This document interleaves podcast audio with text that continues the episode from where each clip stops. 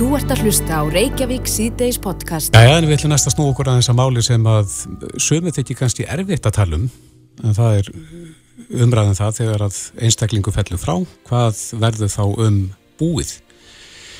En e, við heyrðum af námskeiði sem að stendur til að halda á morgun, erðaréttur 101, hver erfir þig? Og okkur stílst að þessi komið byggðlist á þetta námskeið ef það er ekki rétt. Hún er komið til okkar til að ræða þessi mál. Elin Sigrun Jósdóttir, lagmaður, velkomin. Jú, takk fyrir það. Jú, það er svo sannlega rétt. Það er komið bygglisti og þetta, ég ætlaði mér svona að hafa bara lítinn svona sætan fræðslufund á skrifstónum minni en hérna, en það múið segja að verkefni hafi svona svolítið sprungið út í höndarnum á mér. Ertu komin í háskóla bíó? Já, ég hugsaði að verða það í næstu viku.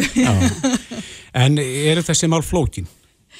Eee það er nú, það fer allt eftir aðstæðum hvers og eins mm -hmm. e, e, það er alltaf spurningin um það, já, hver er þú og hver er þín, uh, hver er þín fjölskylda hvernig eru tengslinn og um, það er fólk kemur stundu til mér og segir þarf ég að gera eitthvað mm -hmm. og þá fer ég náttúrulega að spurja í fyrsta lægi sko, já, hver er þín fjölskyldu staða áttu maka, áttu börn áttu stjúböld, uh, hvernig, er, er málum háttað.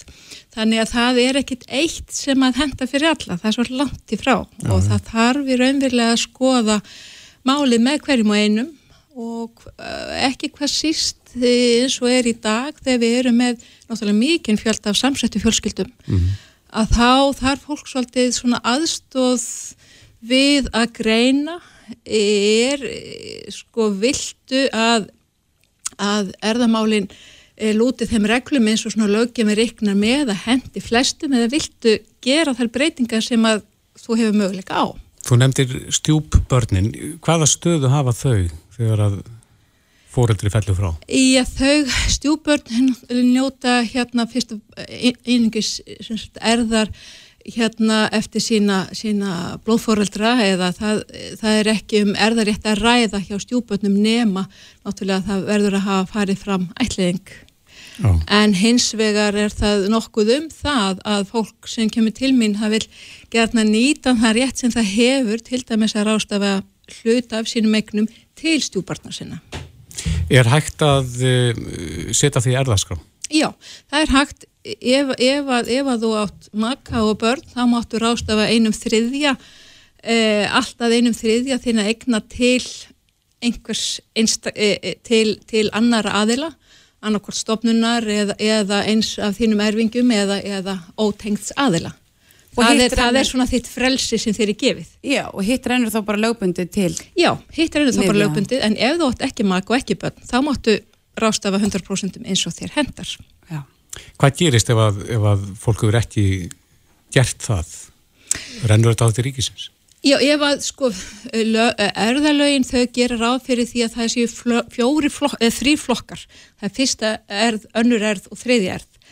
Og í fyrstu erðinni er það maki og börn og ef að það er hvorki makinu börn þá er farið að skoða hverju er í annari erð og það eru þá foreldrar og sískinni mm -hmm. og ef það er enginn þar þannig að þá er farið að skoða þriðjörð og ef það er enginn þar, þá er það. Og hverjir er í þriðju? Já, það er í raunverulega, já, sískinni, sískinni foreldra og, og, og sem sagt, hérna, það er bara, e, það er lengi slínan frá mhm. þér. Mm. Er þetta undanstilið eitthvað? E, er þetta að segja, ég vil ekki að þessi erfi? Já, sko, ef að þú átt ekki, ef að þú hérna, átt ekki, hérna, e, maka eða börn, þá getur þú rástafað 100% þínum eignum bara eins og þú vilt. Þú mhm. getur mm -hmm. gefið hérna arleitt yttfrændaðinn af, af öllu eða, eða eitthvað að þrjá af 90% og rauðakrossina restinni eða hvað sem er. Þá hefur frelsi. Mm -hmm. Og það er fólk náttúrulega er tölvirt að gera það. Fólk sem er e, einstaklingar eru náttúrulega mjög mikið að hugsa um þetta í dag og, og það hefur náttúrulega sem betur fyrir verið gerð hérna náttúrulega þessi breyting sem er gerð til dæmis á almanna heila lögum að fólki er hérna fólki er mikið að hugsa um finnst mér þetta í auknumæli í dag að, að rástafa til stopnana sem að hafa eru, eru varða málaflokka sem eru fólki svona hugleiknir í lífinu. Það er aukning á því sér? Já, ég sé það. En e, þú vinnur við það að gera kaupmála líka? Já, það er í raunvel þetta fer nú oft saman svona þessi skoðun hjá fólki Eh, hérna erðarskráin það er sem sagt, það sem að tengist arfunum og það sem tengist erðalögunum en kaupmálinn varðar fjármál hjóna.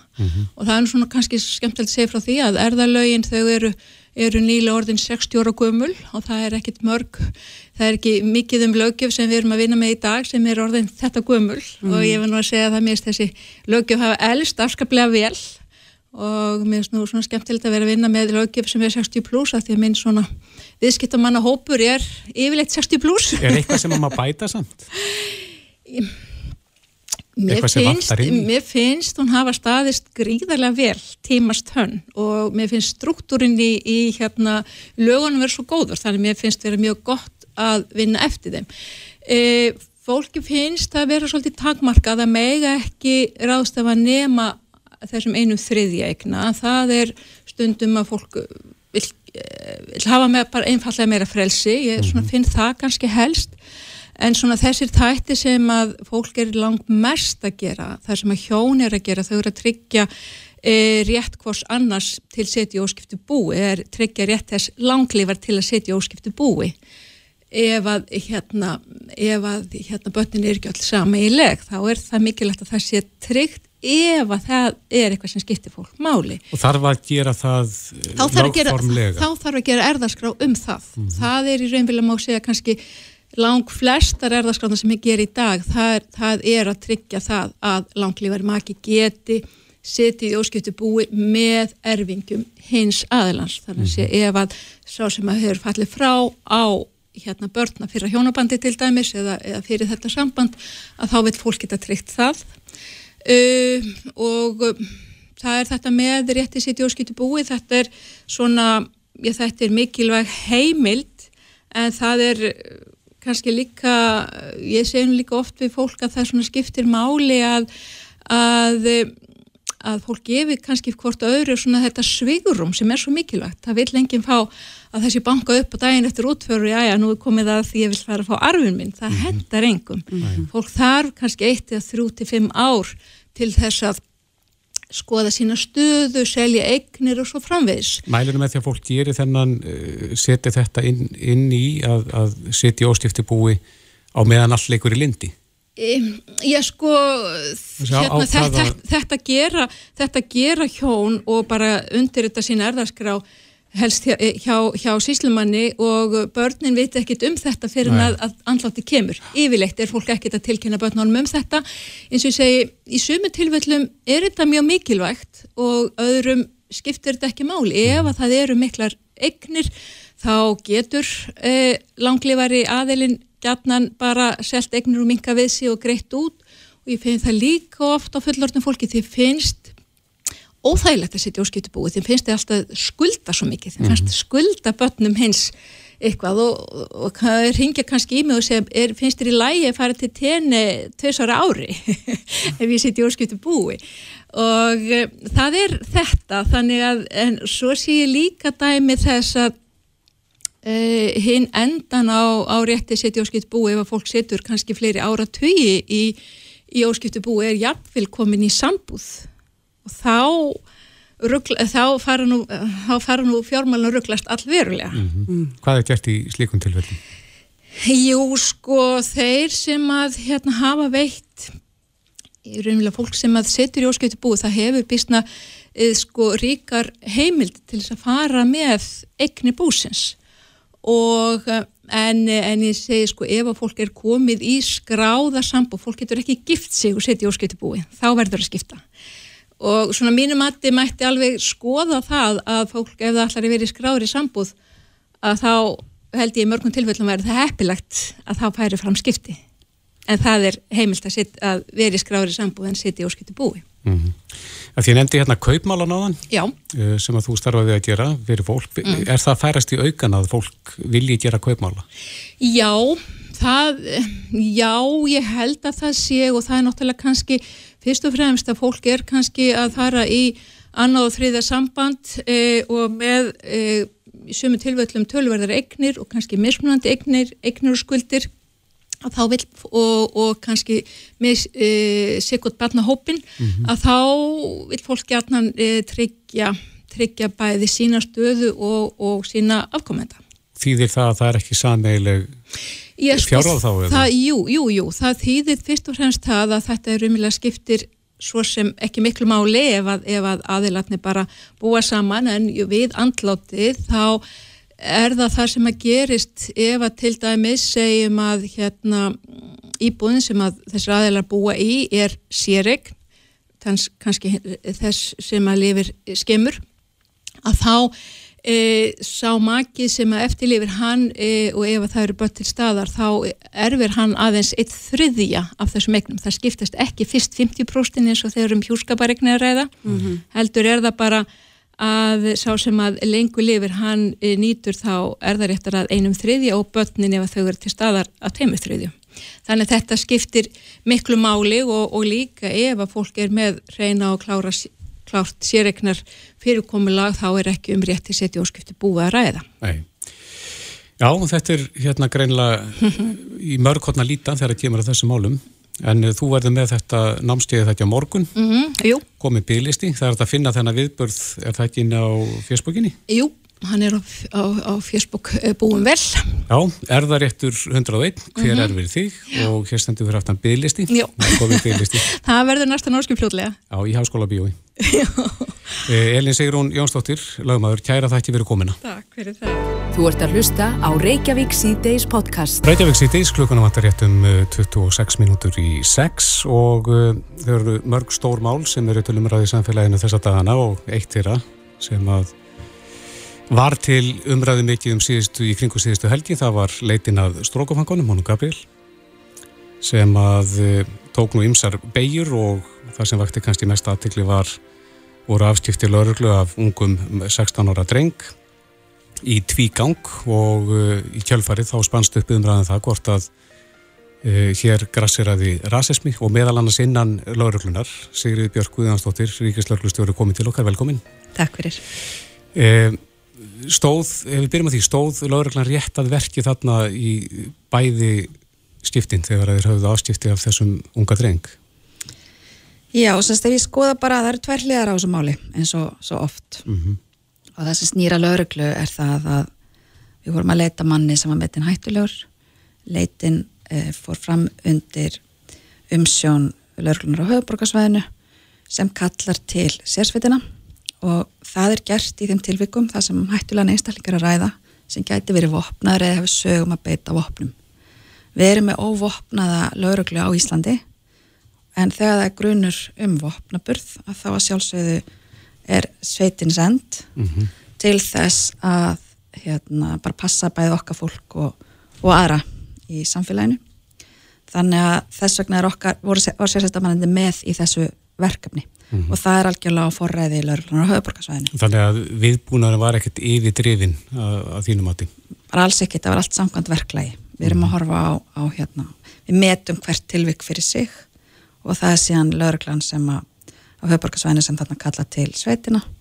Ef við tökum fyrra tilvikið þá sé ekki hvernig lauruglan hefði geta staðið í rauninni að öðruvísi að þessu Þú ert að tala um þegar að streytisvagnu var staðuður? Já, reynd að gera þetta, þetta er náttúrulega mikið áfall fyrir ungmennin sem í ungmennið sem í hlut á en ef ég hórið bara fyrst át út frá lauruglunni þá er þetta þannig að þegar við erum að leita manni sem getur verið hættilegur kakvart eh, öðrum að þá verðum við náttúrulega að leggja kraft í þá leit mm -hmm. og við óskuðum eða lauruglun höfuborgarsvæðinu óskaði eftir, eftir ábendingum. Og það barst ábending og við fylgdum öllum öllu verklagi í því. Og það sem stöðvar þessi strætisvagn og sérsvöldamenn farum borð og þeir bara sjá strax að þetta er ekki aðlinn sem við erum að leita að tilkynna það í talstöðuna þetta er ekki svo sem við leitum að og ganga út á enda í vagninum og svo tilbaka og þeir hafa engin afskipti af drengnum. Og engin orðaskipti sem fara Ekkert. fram á milli lauruglumannan og... Engin afskipti. Og hann var ekki tekin út úr vagninu með það? Ekkert svo ekkert svoleiðis, við erum með myndbönd og, og allan þennan pakka það er semst hliðin okkar mm -hmm. hliðin hans, Bassins er náttúrulega svo að hann er hann í saklisi að fara í skólaferð og allt í einu er strætisvagninum vísað annað og það, hérna, það koma lauruglubílar og það kemur sérsöldamaður um borð í strætóin og gagvart hinn um ungmennunum þannig að auðvitað er það áfall fyrir unga mannesku mm -hmm. þannig að En, en hann er ekki byggðin um kennitölu en eitt slíkt eins og, eins og hefur komið fram? Nei, þá er þetta að tala um setjum tilvikið. Mm -hmm. Það er ekkert yrt á hann, þeir sáu bara strax, þetta var ekki maðurinn sem þið voru að leitað og bara fóru út strax. Það svo voru komin inn í bakarið? Nei, svo við förum inn í bakarið, þá gerist í rauninni það sama, þetta voru ekki bara þessar tvær tilkynningar sem bárust, það voru margar tilkynningar sem bárust.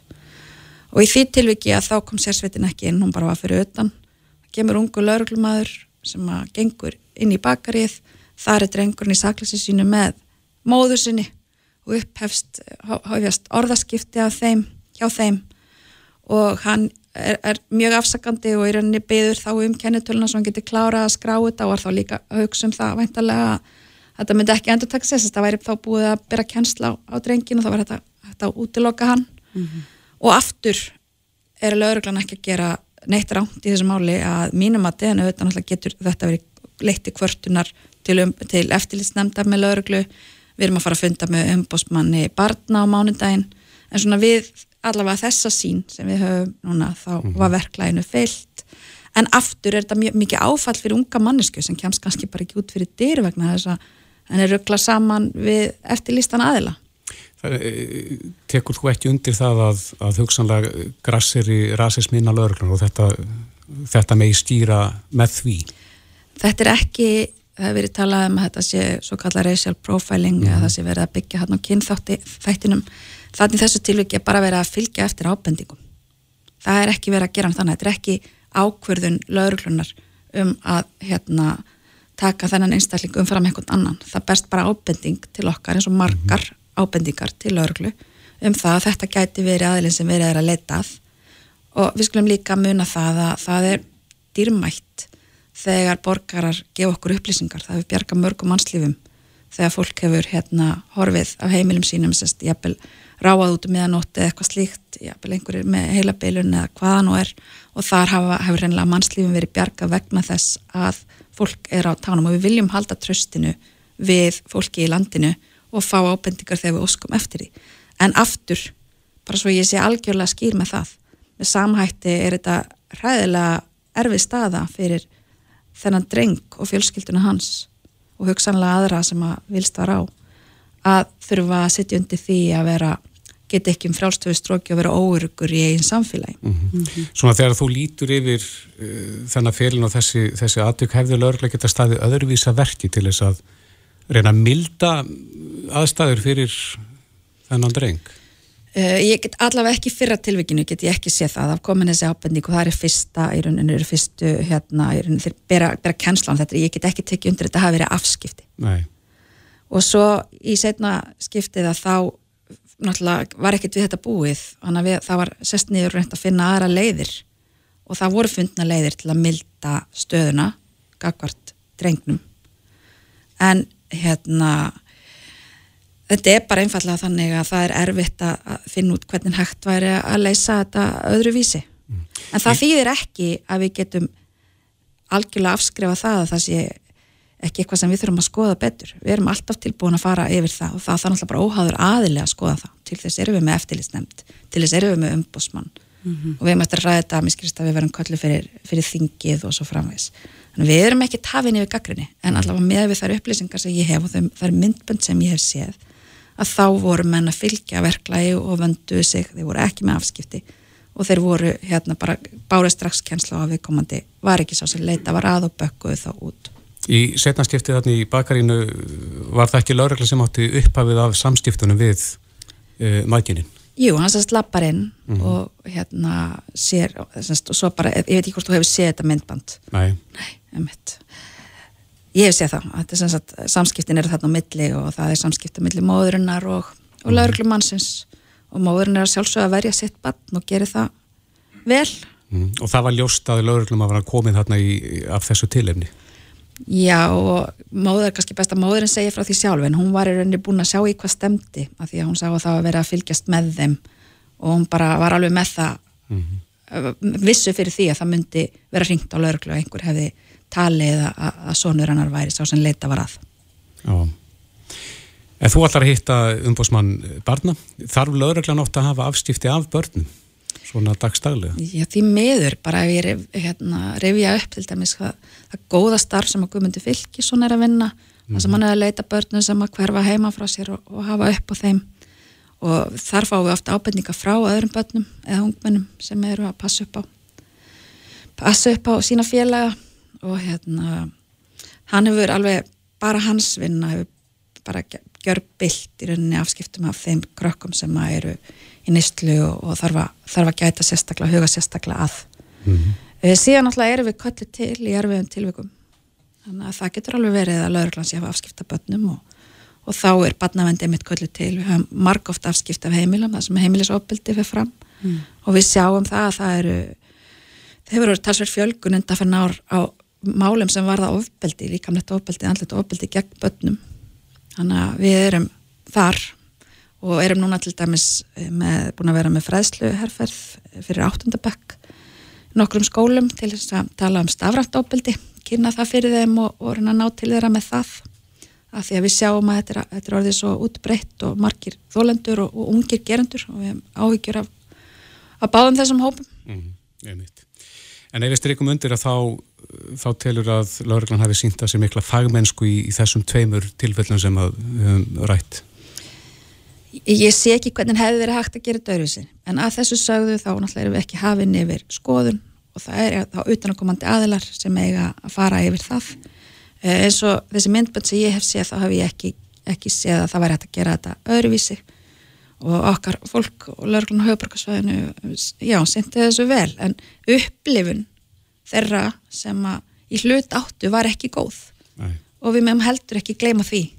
Þetta er alltaf þessi þessi, já, ólíku sjónamið, ólíku upplifun og, og ég held að þetta sé bara mjög slæm staða að vera í fyrir, fyrir foreldra og fyrir þennan, þetta ungmenni sem að í hlut á Einmitt. bara virkilega og hérna tökum það sjálfsögur næra okkur líka í hvað stöðu hann var settur Sigri Björg Guðansdóttir, Ríkislauglustjóri Kæra þakki fyrir komuna Takk fyrir Þetta er Reykjavík C-Days podcast. Samþykja tilbúð hans Já. Í Twitter. Þannig að leiðin er greið vantarlega að eignast fyrirtæki eins og að leggur sig. Já, og eignast þennan stærsta samfélagsmiðil heims. Já, en uh, þetta gekk ekki þrautalust fyrir sig og það voru margir sem að setja sig upp á móti þessum kaupum. Á línunni er Konráður Skuðjónsson, aðalhagfræðingu Stefnis, kom til sæl. Sælverið. Þú ert nú aðeins búin að vera fylgjast með þessu máli líka ef við byrjum bara á Elon Musk, þetta er ríkasti maður í heimi, er það ekki? Mm. Jú, það passar og hefur verið núna um ekkert svo langt skeið.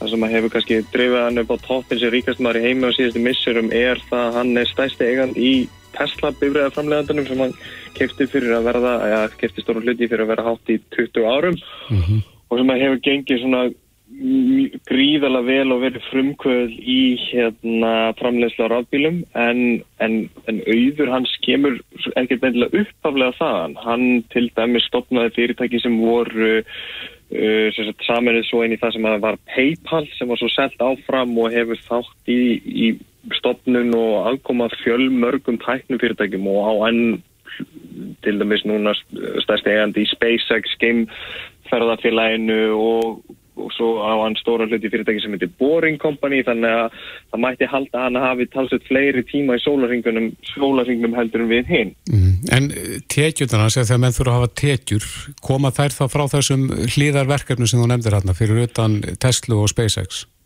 Uh, ekkert endilega, hann náttúrulega hefur svo sem haft sko það sem að kannski svona maður svo Elon Musk sem á svona gríðarlega stóran hlut í, í, í fyrirtæki eins og til dæmis Tesla er að jú hann ánumvæntalega einhverja auðra undir kottanum en til dæmis er að hann fer í þessa vegferð að kaupa Twitter fyrir ríflega 40 miljardar bandrækjadala og svona til að setja í samingi þá sem sagt er vermiðin á Twitter með þennan, þennan þessi kaup að þá er vermiðin á Twitter nægur til þess að borga fyrir alla vöru og alla þjónustu bæði enga aðal og eins umbur á Íslandi í tvö ár og það eiga nú ekki allir svona peningur til kottanum þannig að en þegar þú varst svona uppæðir sem að þú hinn skiljum ekki að þá er auðveldara kannski að brúa með einhverju landtöku sem að hann vilja skera tölur í leiti í þessum kaupum á Twitter. Ég held eitthvað um helmingi af fjármagninu kom bara í gengum lán.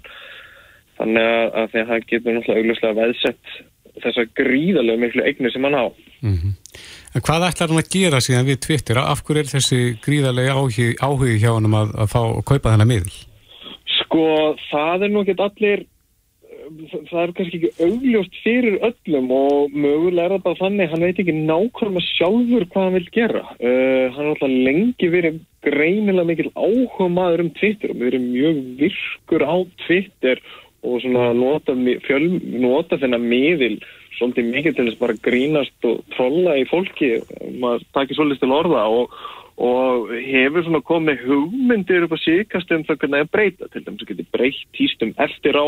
En það sem hefur komið fram er meðal annars að hann vil svona styrkja Twitter sem einhvers konar uh, svona, hvað maður að segja ígildi íbúðar íbúðafunda á, á 2001. öldinni, þar sem að fólk kemur saman og skiptist á skoðunum og sé mikið skoðan af frelsi og hann vil svona að, að, að sker upp hérur gegn þeim sem eru bara að, svona, sem er einhvers konar róbótar sem eru bara týsta á fullu.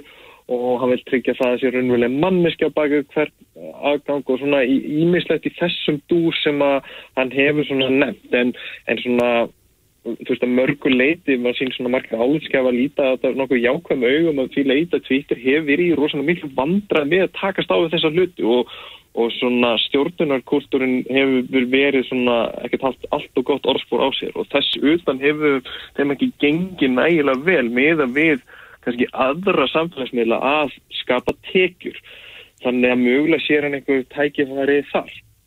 En nú hefur komið fram á frettamöðlum að stjórn fyrirtækisins uh, var ekki mjög hrifin á þessum kaupum. Og, og hérna uh, einmitt stendur hérna að hafa gripið til neyðarvarnar Gagvart, já. Já, það, ég held að það sé nú eitthvað sem er nú bara svona títulega þegar kemur svona, svona uh, fjand sem er kallað fjandsamleg yfirtaka sem einhver bara býður til þess að kaupa alla út á verði sem er hærraðið markasverð, það er það sem hann gerir einu veru að þá held ég að sé nú bara gerist nú oftar en ekki að stjórnin reynir að setja sig einhvern veginn upp og móti því allavega til að byrja með til að skapa minnstakosti skapa sér sterkari samningsstöðu.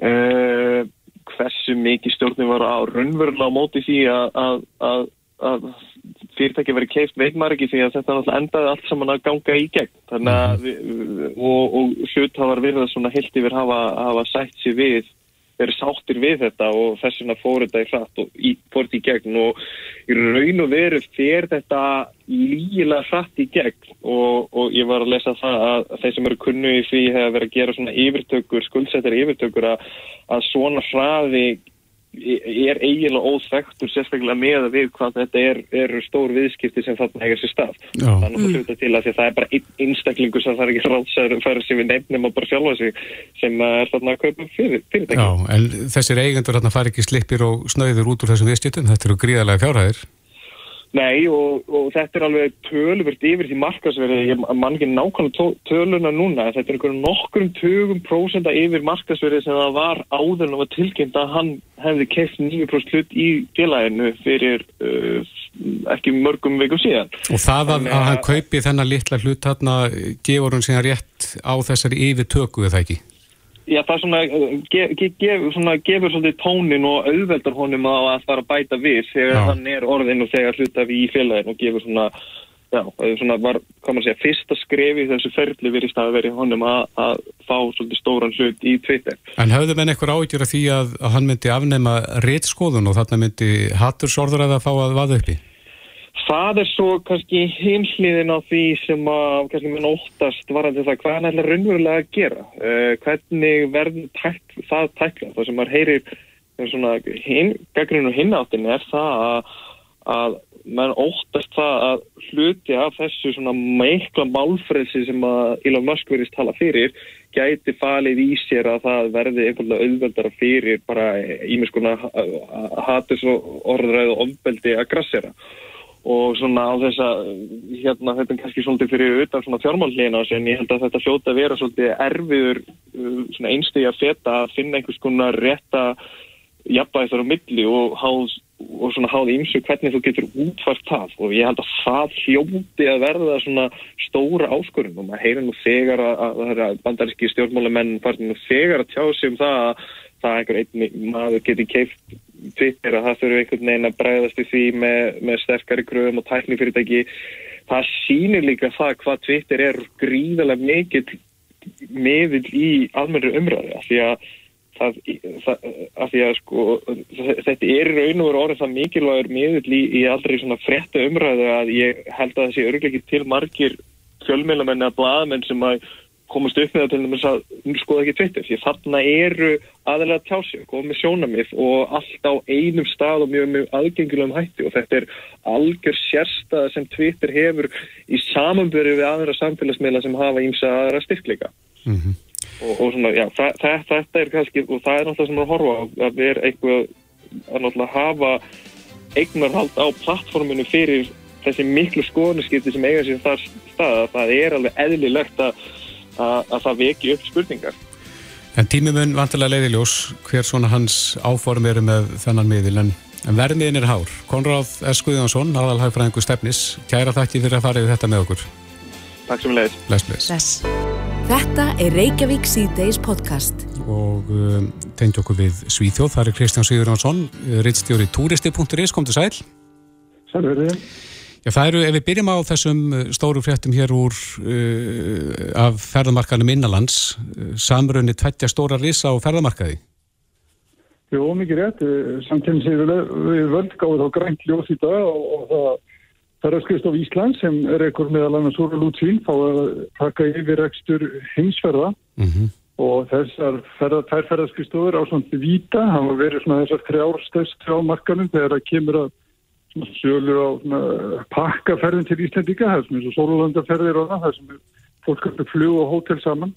Þannig að þetta er ákveðin tíðindi að svona tvö stór fyrirtækja á þessum markaði fá að saminast en, en þá verður maður líka horfa til þess að, að það er náttúrulega margt búið að breytast frá svona á síðustu árum og maður sér það til dæmis að en maður skoða farþjartölu frá Spáni að, að það er fyrstu þrjum mánuði þess ás þá flugur sko átt af hverjum tíu Íslandingum til Tenerife, Alicante eh, eða Kanaræja með sko play eða Íslandir. Það er að mm bara um fyrndungur var að fljúa með þessum ferðarskristóðum. Þannig að það er svona teknolóftum að Íslandingar sé að skipil ekki ferðið sem er að miklu liti bara sjálfur. Nei, en það er margir sem hafa áhættu kannski af sko samtjafnisliðinni. E, þeim er settar ykkur á skorður eða ekki með þessum samruna? Jú, meðal annars þannig að þessar, þetta saminnaða fyrirtæki verður þá að bjóða keppundettum sínum fyrir utan Æslandir sem sagt sæti í vilónum sínum. Þannig að ef saminnaða fyrirtæki ákveður að fljúa til ja, Greiklands eða Tyrklands eða Mölkjafel, einhverju svona áfokastæða sem sólar áfokastæði meira hafið að þá verður fyrirtæki að bjóða á minni ferðarskust og líka sæti í, í, í þóttónu sín. Þannig að það sé svona tryggt að hérna þessi minna á markanum að þeir hafi aðganga meira flýi frá Íslandi en bara það sem að heila sko flugfölum bjóður på. Mm -hmm. En við vorum að velta því fyrir okkur hérna í Stefania, erum við orðin á sein að uh, leita góðum tilbúðum, það er að segja í sólina. Hvenar er maður orðin á sein og, og er farin að borga mun hærra verð fyrir fer, ferðina? Já, það er nefnilega spurningi sko eða hvert þú vil fara. Ég steið sem kiptur sér mýða sko strax bara um áramótin en byrjunast. Þeir sennilega eru með tölvöld og hafa borgað tölvöld minna en þeir sem fara að bóka sér ferði núna. En, en ég sé að það er leikur einn að finna fljóð fyrir 50 til, já, 50.000 til áfókastæði eins og Nýs, Lissabon, Nant, Olónia, Fenea, Frákjaflegu fjúðalli um mitt sumar en, en þeir sem sko vilja heldur bara ferðast til Tenerife og, og hérna hitta þar fyrir gamla vinnufélaga og gummul skólasyskim og sjá okkur fræðan Íslandíka hverjum degi þetta þeir þurfa að borga alveg tvöfald þeirrafald meira því að missingist ódýrastu farmiðanir Tenerife kosta í kringum 100.000 í, í sumar Já, Já, þetta er vantarlega bara spurning um frambóð og eftirspurning. Er eftirspurning svona gríðarlega mikil á þessar slóðir? Já, af þessum fargjöldum að dæma, sko, maður skoðar hjá fljóðfélagunum, þá er þetta eiginlega stundum svolítið sláandi að sjá hvað play og ætlund er og, og, og ferðarsýstunum er vel ná að selja mikið af miðum til Tenerife og þeir eru mjög dýri þeir eins og í júni og júli þeir miða sem eru núna á bóstólum en svo sem maður horfi bara til einhver annar áfokastan eins og ég nefnt á það og þá er, er fargjöldin kannski helmikið læri og, og rúlega það þannig að þetta snýst kannski líka svolítið um að fólk já, kanni einhverja fleiri staði en, en, en, en Tenerife og, og Alicante. Já, er auðvelt fyrir fólk að, að gera verð samaburð og, og að finna þessa pakka? Já, þetta er svona snýrsamsvöld um að sjá hvað frambóði er það sem er náttúrulega sjálfur sér vandamál og það þekk ég nú vel búin að stæti þessum rekstri að segja frá ferðarlegum í, í rúmlega áratug að erlendi flugfélagin hafa volið lítið áhuga á íslenska markanum og kynna sér mjög lítið á og auðvisa lítið á markanum og þar alveg er kannski íslenski neytendur ekki sérstaklega meðvitaður um frambóðið en, en það er mjög mikið af því til já, áfokast að við mér hafi bæðið með erlendufélagunum og þeim íslensku og ferðarskristofunar eru líka með hérna, mikið úrval. Og þetta hefur í sjálf og sér aldrei verið jafn mikið og, og núna. Þannig að ég held að hérna, fólk sem svona gefur sér bölstundi að skanna markaðin mun finna hérna nokkuð eh, góð fargjöld úr landi í sumar. Já, en þú ert að skoða fleiri hluti á síðaninni turisti.is, þú ert meðalans að velta fyrir hvort að ferðarþjónastur í Íslandi sé í stakk búin til þess að taka móti auknum fjölda ferðamanna. Er, er, er ennþá vöndun á húsnaði fyrir ferðamenn sem komingað? Já, það er svona klassiska vandamál og það vandar stundum upp á gístingu svona fyrir þá sem vilja fara hringveginn. Það er að segja fólk sem vil hérna þarf þá finna sér gístingu allar hringin og það er svona konar glóttur í, í, í það því að framtvaða sumustöðum er ekki sérstaklega mikið og, og það stefnir í að, að frambóða flýri frá keflagufjóðli í sumar verði bara álika mikið og sumar er 2019. Þannig að þá gæti komið til landsins mjög margir ferðarmenn og hérna og nú er svona sem þekkt að ekki bara á Íslandi, þetta er við annar staðar og það er skortur og bílalegu bílum viða og verð, verð á þeim hefur hækkatölu verðt og það er ekki einhver ítlasundar að manna stöður í ferðarþjónustu og þar að leiðandi er kannski sko afkast að geta íslenska ferðarþjónustu og bara ferðarþjónustu almennt ekki kannski svo sama og hún var fyrir heimsvaraldur og og þar alveg hendur getur svona reynd svolítið á í sumar. Og hvar mun það koma vest niður á þeim sem að þurfa þessari þjónust að halda? Nei, sko, það er nefnilega staðan líka þannig að þeir stór hluti þeirra sem ferðast til Íslands, þannig að kollinu ferðarmálastóður og þannig að sko þýra okkur um fimm ferðarmennu sem komið til Íslands vilja hafa bílaljókil. Þannig að þá er fólk að keira um landið oft og hérna það er kannski þessi hópu sem er ekki búin að tryggja sér bíl og, og kannski áttast ekki alveg á á stöðinni, það er að segja á verðlæginu og, og hvaða er kannski takmörku gisting á sömum stöðum út á landi að sáhópur kannski er búin að köpa sér flugmiðan á eftir að ganga frá þessum aðriðum og það er kannski verður sjokkuru sem að átta sig á því hvað það hefur kostið þá að köpa sér gisting út á landi og lega bíl. Já, þannig að það er svona svipa vandamál hér og, og við annar staðar að, að bílalegurna voru búin að losa sig við bróðupartin af bílalegu bílunum í þessum heimsfaraldri.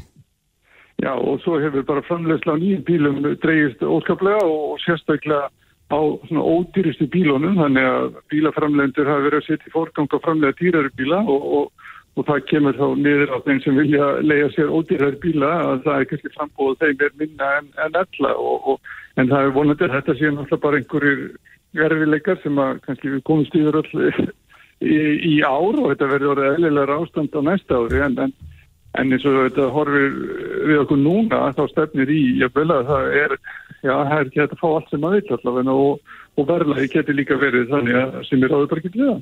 Einmitt. En hvernig er það? Því að nú verður það sluti verið að færast aftur í, í sama horf og var fyrir COVID. Uh, hvernig er þetta út í Evrópu?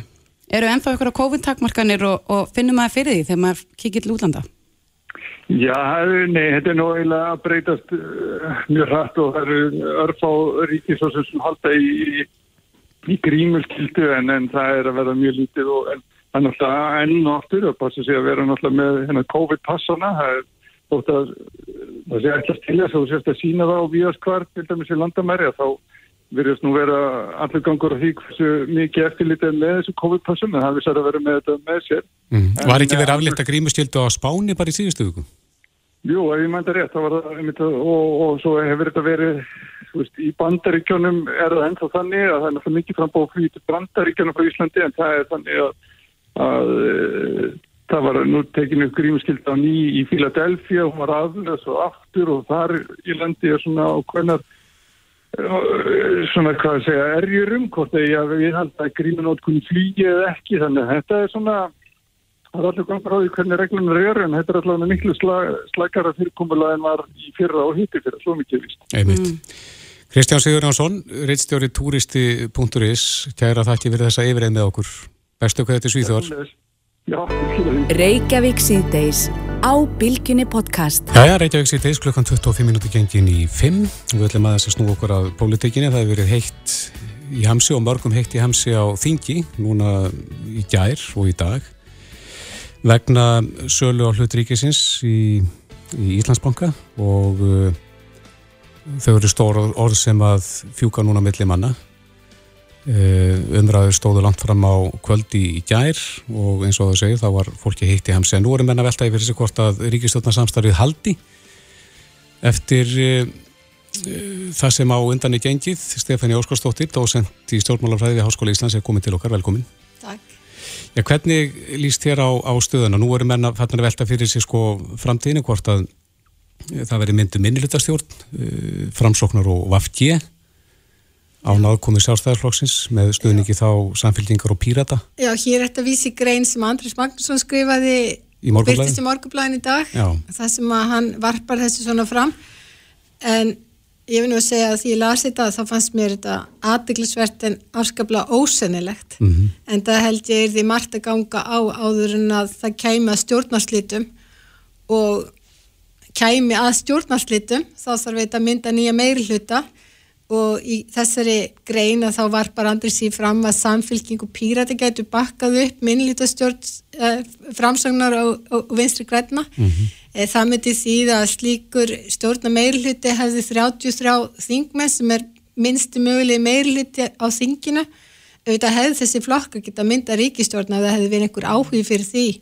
Þar segir þessir fjóri flokkar hérna fyrir að fá mánuðum þegar þessi þryggjaflokkar ríkistjórn Katrin hafi mynduð En, og líka fyrir fjórum árum þá hefði verið hægt að mynda ríkistjórn til vinstri án aðkomu sjálfstæðsflokksins en niðurstofan fyrir rúmum fjórum árum og aftur núna síðast var að þessi þryggjaflokka meirhluti e, vinstri græna sjálfstæðsflokks og framsóknar væri kannski sá kostu sem væri skástur. Það er, það er fæstu, fæstu flokkarnir, þrýr flokkar en stæðsti möguleg þá meirhluti það er að segja að maður leggur saman fylgi þryggja flokka um, sem að tryggja það að Ríkisjón hérna hefur bárið fyrir báru hvað var það að koma sínum málum fram. En í þessari svona pælingu hans Andrisar þá er hann að gera því skóna það geti komið til stjórnarslita. Og, og hérna svona veik minnlítastjórn er þið mynduð. Og ég verði að segja eins og er að mér finnst það afskaplega ólíklegt að, að það það gerist nema það kom upp úr durnum að það sé svo mikið, mikið pottubrotin í þessu bankasölu máli að, að hérna sem að réttja maður þá til fjármálar á þeirra Já, en, en þá myndum að segja sko næstileikur þar að segja ef að sústaða kemi upp að, að það kemi í ljós eftir aðtúan fjármála eftir lits og og og ríkisendurskóðanda mm -hmm. að hérna mikið aðtöðvert hafi verið að finna í þessari bankasölu að þá myndi þetta hittna undir fjármálaráþuranum og þá mögulega gæti það árið til þess að hann yrða vikja. Það veri líklir nýðstöða heldur en að allur stingflokk og sjálfstæðarflokksins hérna hirfur stjórn vegna þess að hann veri reynilega rekin af vafki eins og lagt upp í þessari grein þarna. Já, en það segir hérna frétt inn á rú.is að uh, Katrín Jakobsdóttir, hún segir að samstæða sér innan ríkisáttanflokkanum fullan stuðning við bjarnar þannig að... Akkurat, þannig að þetta er þannig séð eins og, og málinstand í dag svona stormur vasklasi mm -hmm. og, og hérna ekkit annað að sjá heldur en að það ríki fullt dröst á milli fúrstumanna þessari þryggja flokka sem að hafa starfað sama núna á 5. ári ríkistjórn En það hefur verið svolítið kvast í kringum bjarnar, ekki bara á, Jú, á þessu kjöldumabili? Nei, nei, það, það má ríkja til hrun árana og, og, og hérna þeirra staðrindar að hann tengdist viðskiptum og hans auðvitað ættingar tengdist viðskiptum og um, lengi vel var talið þar að segja í kringu 2009 þegar Bjarni var fyrst kosin formað sjálfstafslóksins þá var talið að hann ætti ekki kannski langa setu fyrir höndu sem formaði flokksins að því að hann var umdeldur og það var verið að, að rifja upp í mjög hérna mál sem tengdust honum og hans fjölskyldu. En hann hefur setið þetta allt, eða staðið þetta allt af sér Bjarni og verið óumdeldur fóringi sástæðsflóksins núna um langa tíð. Hann hefur ekki vingið mót frambúið flokknum og hann nýtur stuðnings þings, þing, þingsflokksins en það er samt sem áður skeinuhætt fyrir hann að lenda í svona e, ég veit ekki hvað maður að segja ég ætla ekki að nota orðið upp og koma en, en lenda í hérna e, eða máli svo þetta mm -hmm. e, hérna, ítir á rofa minninga í hugumarkra og það er til að auðvelt að tengja, tengja umræði dagsins við umræðu fyrir 14 ára þegar mm -hmm. hrunnið eða 14 ára, nei það er ekki svo langt síðan hrunnið var.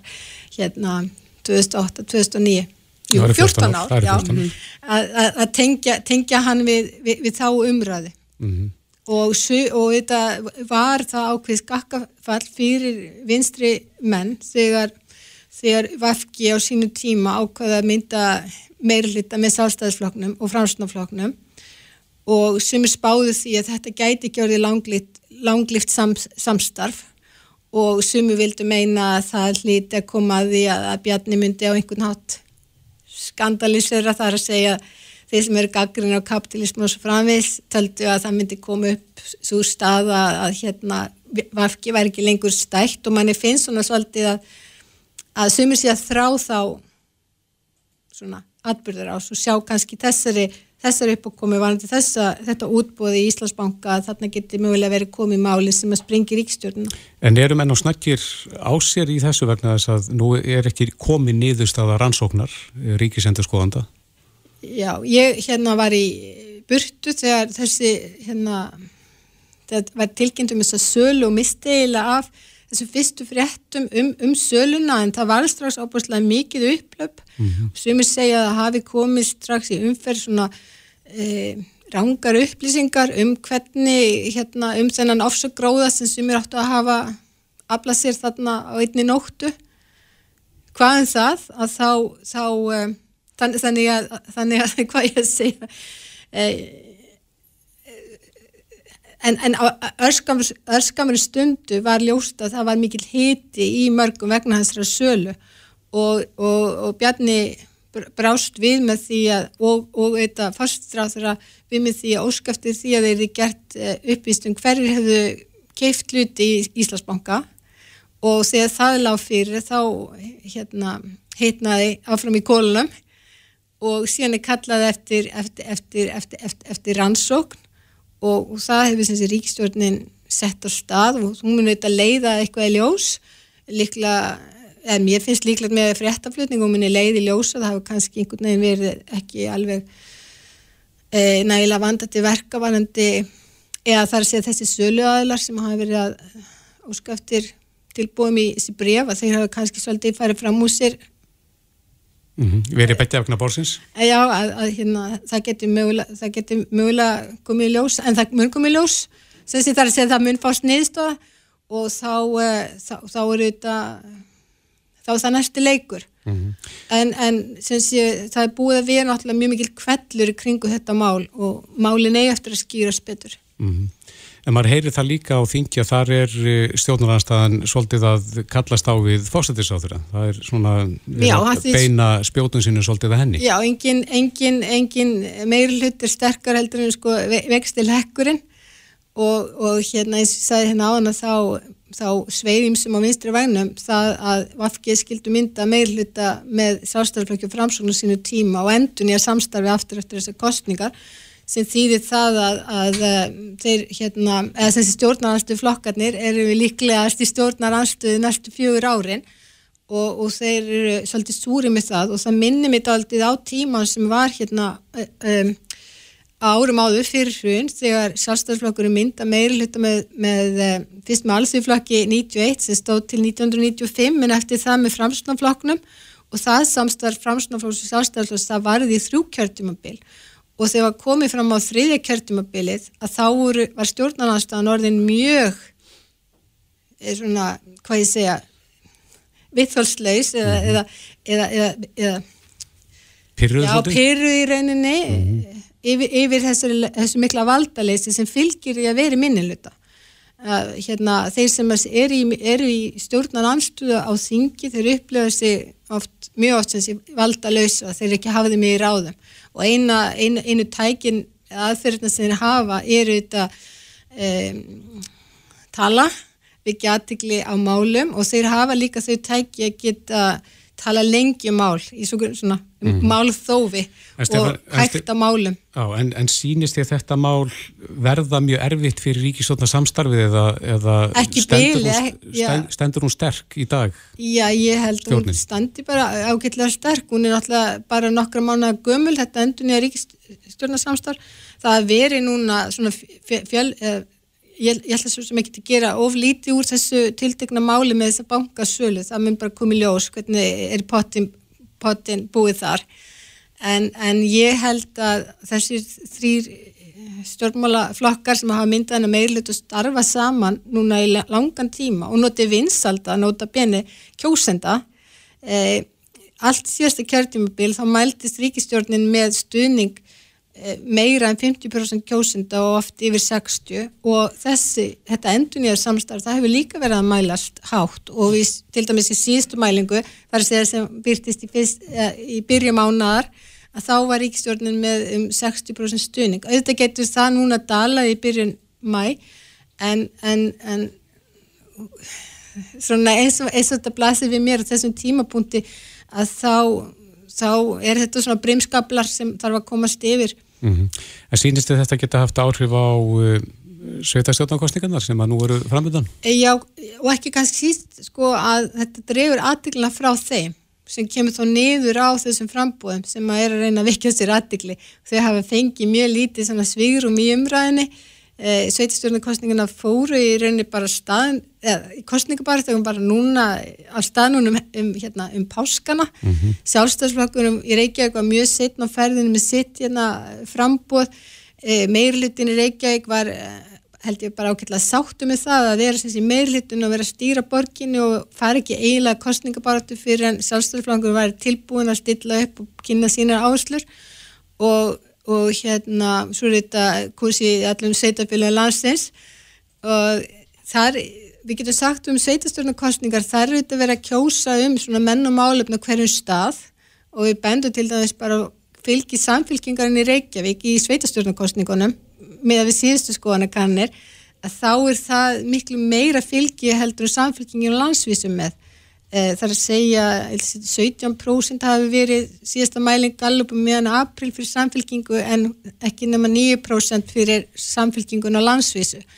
Þannig að þetta, og svona getur við þetta tekið mismyndi flokka að landsmálinn og sveitastjórnamálinn er ekki alltaf alveg í sama flútti. En getur það getur eitthvað núna? þetta um, sko, Út af þessu máli? Já, þeir sem eru ósötu við sjálfstaflökin og ósötu við bjarna yfir höfuð, þeir hafa þetta ekki verið að kjósa. Þeir sem eru ánæðið með sjálfstaflökin og ánæðið með bjarna, þeir hafa verið lojal. Fylgi sjálfstaflökin sé verið að mælast bara frá hruni svona nokkur neginn í 20% pluss, svona 21-25%. Herra í borginni þó, en hafði hrunið að segja úr einhverjum 30% þetta er svo sjaldan mælt í borginni svona yfir kjörtumubili meira þenn álgast kostningar en uh, fylgis aðstafsflokksins í borginni það hafði mingaði upp af árs úr eitthvað 30% rúmlega niður í svona bara svipa og fylgi, fylgi er á landsvísu.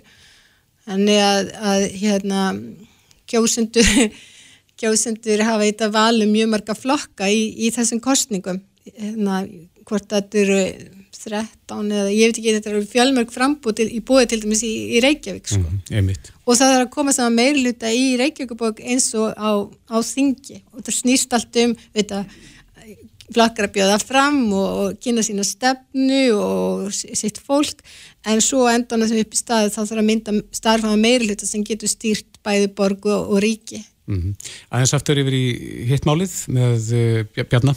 Tilur að hann komið til með að sitja sem formaður flokksins og í, í þessum ráðherra stól út kjörtímabil.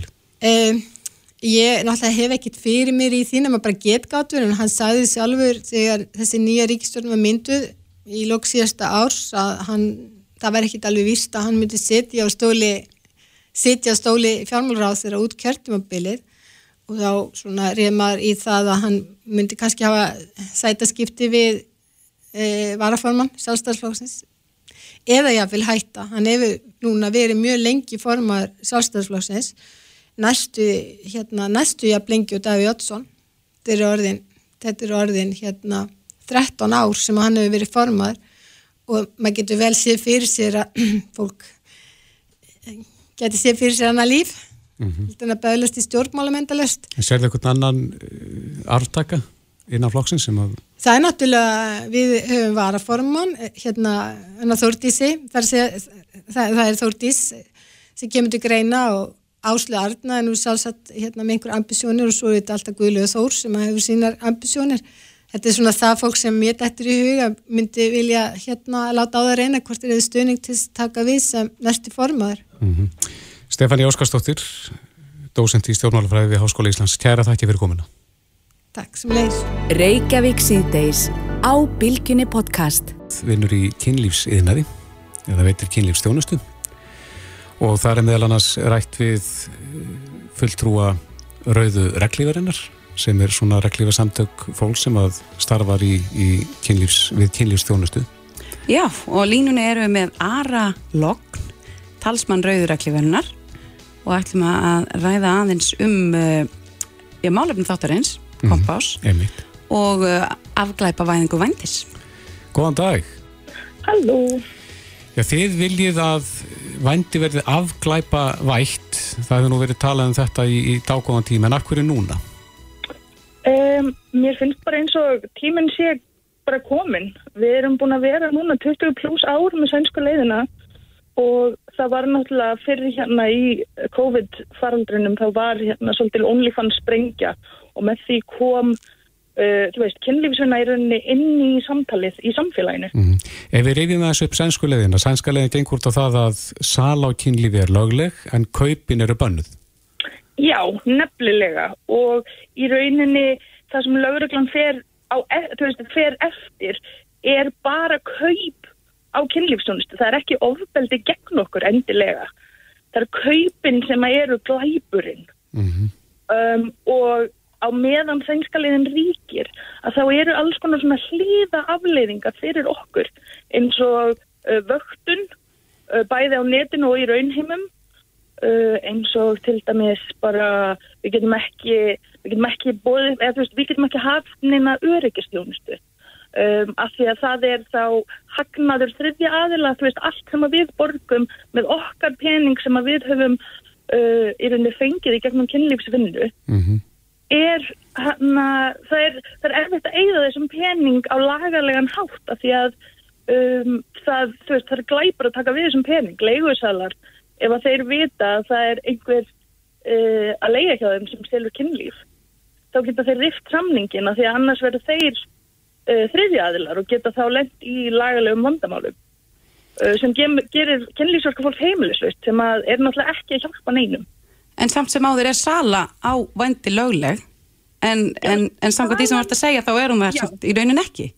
Einmitt, það eru svona hliðaverkanir sem að var í raunin ekki pælt náðu vel í uh, af því að það var ekki talað við um, rosa mikið kynlífsverka fólki.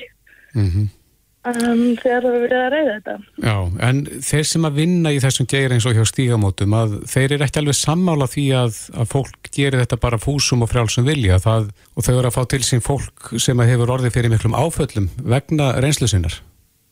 Þau hafa klárlega áföll og fólk sem leitar til stígamóta er náttúrulega bara fólk sem hefur lagt í kynbærisofbeldi Þannig að auðvitað fá þau bara eina sín á málinn. Mm. Við erum hérna til þess að bjóða upp á víðari sín og líka til þess að segja það að sænskalegin er ekki að standa sig fyrir kynlífsverka fólk og það þarf að gerast eitthvað svo að réttindi okkar séu bara tekinn sem gild svo að við séum hlustað, séu hlustað á okkur.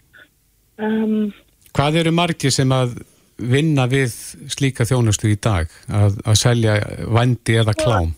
Við náttúrulega tölum ekki, þú veist, við höfum ekki talað við alla af því að við erum frekar svona um, við höfum verið frekar svona ósýnileg í samfélaginu í rauninni.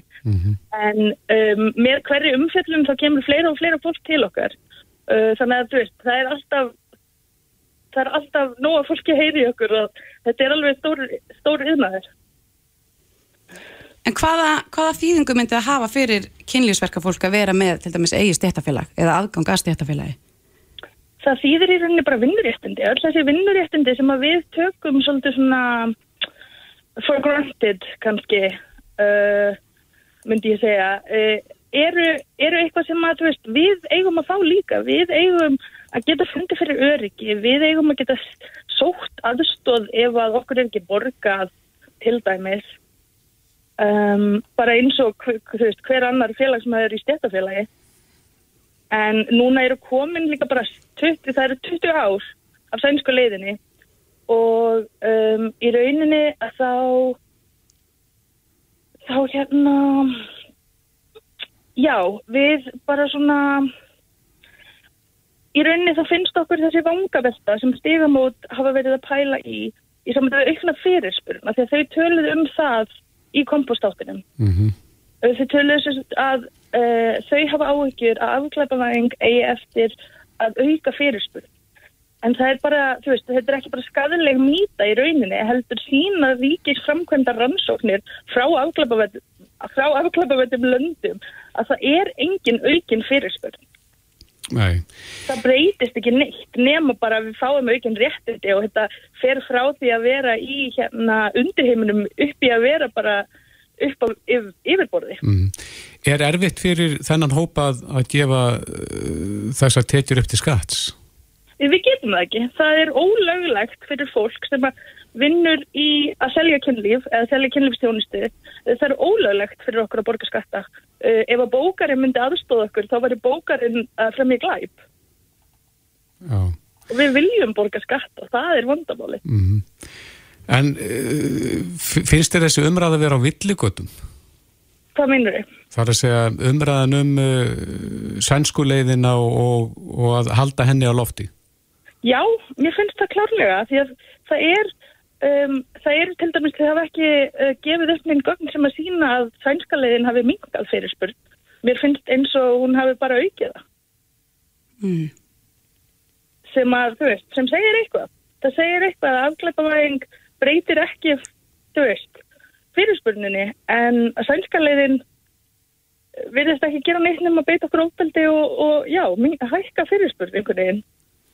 En finnst þér því fá uh, og ná einhverjum hljómgrunni hjá þeim sem að hafa völdin í þessu? Er, er vantilega þyrti, þyrti stjórnmálin að taka svolítið við keflinu? Já, klárlega og við, við, hérna, við erum að fókusa á því núna í rauninni bara að koma okkur í tengsl við stjórnmálaflokka og byrja að ræða þessi mál og taka þessu svolítið alvarlega því að það er komin tími að við fáum öryggi og réttindi og virðingu. En er það ekki rétt líka samt hjá stígamótum að þarna inn á milli er eitthvað um mannsal og, og kannski starfsfólk sem að, sem að vill ekki verið þessum gera? Það er mikið mannsal, það er mikið af þvingun, það er mikið af ofbeldi gegn okkur. En þess vegna viljum við gera þetta og þess vegna erum við að standa í þessari baráttu að því að ofbeldið er bara komið nóg. Myndi breyting á þessari lögjöf hjálpa þeim sem eru í slæmri stöðu og vilja ekki verið þessum gera? Við trúum því virkilega. Hvernig þá? Hvernig þá? Um, náttúrulega með afklapavæðingu þegar, þegar uh, hlutin eru settir á yfirborðið þá erum við ekki eins svona einangri þú veist, með lagalegum réttindum koma alltaf breytt viðhorf samfélagsins. Við sáum það með baróttu hinsegin fólks hér á Íslandi. Mm Ef þú ættir að skjóta þann fjölda sem að vinnur við þessa þjónustu á Íslandi í dag að selja aðganga líkama sínum, hvað, hvað myndur að halda að hann væri stór? Við erum náttúrulega ekki að selja aðganga líkamannum okkar, við erum að selja kynlífstjónustu. Já, stór munur þar á. Uh, náttúrulega enginn selur líkamann sinn, enginn er að selja, ég er ekkert að selja parta af mér eða neitt svoleiðis. Nei. Ég er enda heil manneskja þó að ég hafi stund að kynlífisvinni. Mm En hvað myndur að halda margir störfið við þetta í dag? ég bara hef ekki hugmynd á uh, fjölda en það eru margir. Og margir eru að gera þetta í lengda því að þau eru hrætt. Já, akkurat. Já, Rauðaraklifin, hún ætlar að halda þessu máli á lofti, eitthvað áfram og reyna að ná eirum stjórnmálafólks, heyris mér. Já, mikið rétt, einmitt. Já, Ari Logn, kæra þakki fyrir þetta. Takk kærlega fyrir. Hlustaðu hvena sem er á Reykjavík C-Days podcast. Þegar nú er heldur betur fara að stýttast í Eurovision. Já, þetta er bara næsta leiti. Þetta er að bresta á, en það heyrist ekki mikið um Eurovision einhvern veginn þess að það. Nei, og ég sem mikill Eurovision aðdáðandi væri til að heyra miklu meira. Já, en af hverju er svo mikið þögning kringum þetta? Það er góð spurning. Er þetta hávað í öðrum málum sem er að kæfa Eurovision? Já, ætlaði sé ekki það, þessa dagana. Já. Mörgunur stór mál. En Felix Bergson, farastjóri liðsins íslenska, er á línunni, sæl. Já, komið sæl og blessu. Eru þið eitthvað feiminn? Nei, nei, það er við alls ekki, ekkert frekar en venjulega. Við reynum að halda okkur frammi. Ég hef nú síðan menn eitthvað að vera kvartið við því að þessi ofmikið Eurovision þess að dagana. Það er með, með ameríska Eurovision í sjónvarpunum, ég veit ekki hvað og hvað en, en þarna, nei, nei, við erum ekki feimin og ekki feimin í íslenska hópnum, alls ekki. Nei, og það er eflust, nóg að gera hjá okkur núna í undirbúning, ekki satt? Já, já, ég var bara að koma, það stelpunum voru á æfingu bara núna áðan og ég var bara að hitta þau þar og, og svona ræða ímis mál í sambandi við svona síðustu síðustu loka uh, það sem það er að klára hérna heima að hann haldi þeirra stað. Það var að fara ímis próf og, og COVID-próf og eitthvað svo leis Er búið að ákveða hvernig atriði verður? Já, það er nú búið að ákveða það að mestu leiti Er mikil breyting frá því sem var hér á sviðinu? Nei, það er mjög lítil breyting. En eins og það er það ítalarnir sem setja þetta upp og þeir hafa loka uh, þeir hafa loka svarinu þetta. Þeir, þeir, þeir ráða mm -hmm. en þeir eru að nota uppsetningun okkar að, að öllu langmestu leiti og um, svo mun náttúrulega eitthvað að gerast. Þegar við erum komin út og förum á fyrstu æfingar. En uh, aðriðið er alveg að verða tilbúið nákvæmlega svo það mun verða. En þið eru alveg að fara að leggja í henni það ekki? Hvernig farað út? Ja, það er bara lögadaginn, þá er haldið að stað. Það er bara lögadaginn Já, við veitum köpen og þaðan til, þaðan til Milano þar sem við fáum rútu og, og keirum niður til Torino. Er ekki hérna alltaf mikið mál að velja búningana. Er, er það á hreinu? Hvernig búningana, ja, verður kúrekahatturinn til dæmis á sínum stað? ég, ég bara visti það nú bara freinlega veit ég það ekki. En ég veit það að uh, hún Ellen Loftsdóttir sem er búningahannurinn er á fullu að sauma nýja búninga á þær sýsturnar og uh, ég held að það verður bara alveg meira áttar. Þannig að ég bara slakkar gríðalega mikið til að sjá. Ég er ekki bara að sjá neitt. Ekki bara svona heyra, bara, heyra af þessu og hver stemningin á að vera en ég er ekki fann að sjá það ennþá. Þetta nefnilega finnst mér einna mest spennandi að Já. sjá búningana Já. hjá atriðin okkar. Já, ég held að þetta verði aðeinslegt. Ég held að það vinni náttúrulega mjög mikið á, eða þú veist, ég veit að þau vinna mikið á sömunótum og þau gerðu, gerðu í söngakefni svona, þessu svona 70's looki mm -hmm. svona hérna gömlu frábæru söngkonurnar sem voru þar í, í farabrotti. Já, en þetta er svolítið country líka. Verður þetta að vera eitthvað pínu country þema? Jú, jú, það verður það. Og svona, þetta er svona þessir, þessir jarðarlitir og, og svona þetta, þetta hófstilta sem er í þessu. Þannig að það verður bara voðalega, verður voðalega gaman að sjá hvernig þetta kemur út. En hvernig verður svo þegar þið komið til Ítalíu? Það er bara stíf dagskrá, ekki satt? Já, það er heilmikil dagskrá sko, það er uh, bara við förum á æfingu strax fyrsta, á fyrsta degi. Og verða æfingar alla daga? Nei, já, sko við æfum bara svona fyrir utan höllina aðra daga. Mm -hmm þá verður, þú veist, aðrið skoða upptaka frá æfingunni, skoða og laga það sem að ítla, þarf að laga í bara hvernig það er horfa í kameru og annað slíkt uh, og svo náttúrulega bara söngaæfingar hreinlega og uh, en þetta eru æfingar sem er svona stóra æfingar þar okkar eru fyrsta mæ, síðan femta mæ og svo er uh, bara genar að pröfa nýjunda og, og sjó þann tíunda. Já, þetta er bara brest á. Já, já, þetta er alltaf gerast. Og þið færðu út á lögatæðin, segir þú? Já förum út á lögadaginn og það ég menna þó eins og þú segir sko því að finnst eitthvað svona þögn í kringum þetta þetta er náttúrulega mjög hófstilt allt saman og mjög svona uh, hóvær og hófstiltur hópur sem við erum að fara með þetta árið sem heldur sér ekki mjög mikið frammi Nei. bara mjög skemmtilegt og ég treysti mjög á að þegar það er stíga á svið og þá munir það er hylla eins og það er gerðið hér heima Áttu vona því að það er farið upp úr fyrsta reyli? Það er alltaf baráttan, það er alltaf það sem við erum að reyna það, er, það breytist ekkert Hvað segja veðbankar í dag um það? Þeir eru ekki, þeir eru með það svona inni og úti, stundum inni, stundum úti Já. þannig að við bara sjáum hvernig það verður og við, eins og ég segi, það er, þetta er ég, mér, ég segi stundum að þessi er svona sovandi tígur, svona sleeping tiger að þegar það er byrtast á sviðinu þá, og í sjónvarpinu að þá muni að hérna, fólk kveikja á perunni Já, Bara eins og það gerði hérna heima. Nákvæmlega Það algjör sjarma tröll. Já, ég held að það sé stóra máli. Þegar þú sást aðrið þá einu bara, já, þarna er nú eitthvað. Og, þarna, og, þá, og þá, þá gerðist það. Já, það var í raun ekkert mikið verið að tala um aðriði fyrir að það er byrstast að sviðin í sjónvarpinu. já. Komum sá og segir en Felix Bergson, við segjum bara góða ferð. Takk fyrir kjærlega. Reykjavík síðdeis á bylginni.